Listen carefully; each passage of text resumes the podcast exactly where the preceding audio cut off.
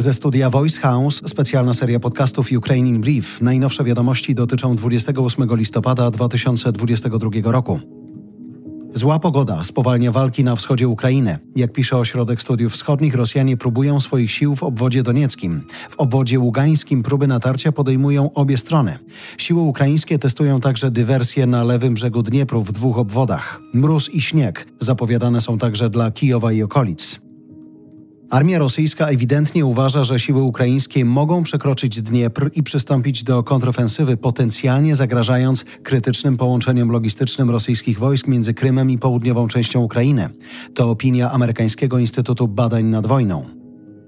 W ostatnim tygodniu rosyjskie transportowe samoloty AN-124 Rusłan co najmniej 9 razy wylatywały z Chin do Rosji, często z wyłączonymi transponderami, żeby uniemożliwić ich śledzenie, podaje ukraiński portal militarny Express Defense. Według ekspertów oznacza to, że Rosja wysyła samoloty po ładunki wojskowe. Koniec cytatu.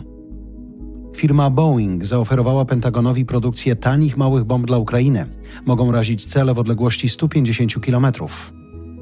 Liczba Ukraińców zarejestrowanych w krajach Europy Zachodniej jako uchodźcy sięgnęła 4 milionów 700 tysięcy osób.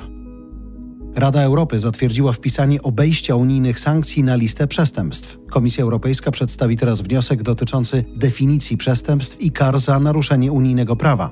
Potem dyskusja i głosowanie w Parlamencie Europejskim. W Szwecji zatrzymano małżeństwo Rosjan, którym zarzuca się pracę dla rosyjskiego wywiadu wojskowego. Ze śledztwa dziennikarskiego redakcji Bellingcat Insider wynika, że para mieszkała wcześniej w Moskwie, w tym samym budynku, w którym kwaterowali funkcjonariusze GRU, w tym mężczyzna podejrzany o próbę otrucia Siergieja Skiprala w Wielkiej Brytanii. Syn byłego szefa kolei rosyjskich, współpracownika Putina, został aresztowany w Norwegii. Powód? Nagrania z drona nad Spitsbergenem. Nowe przepisy wprowadzone w Norwegii po rozpoczęciu wojny zabraniają obywatelom Rosji używania dronów w pobliżu obiektów infrastruktury.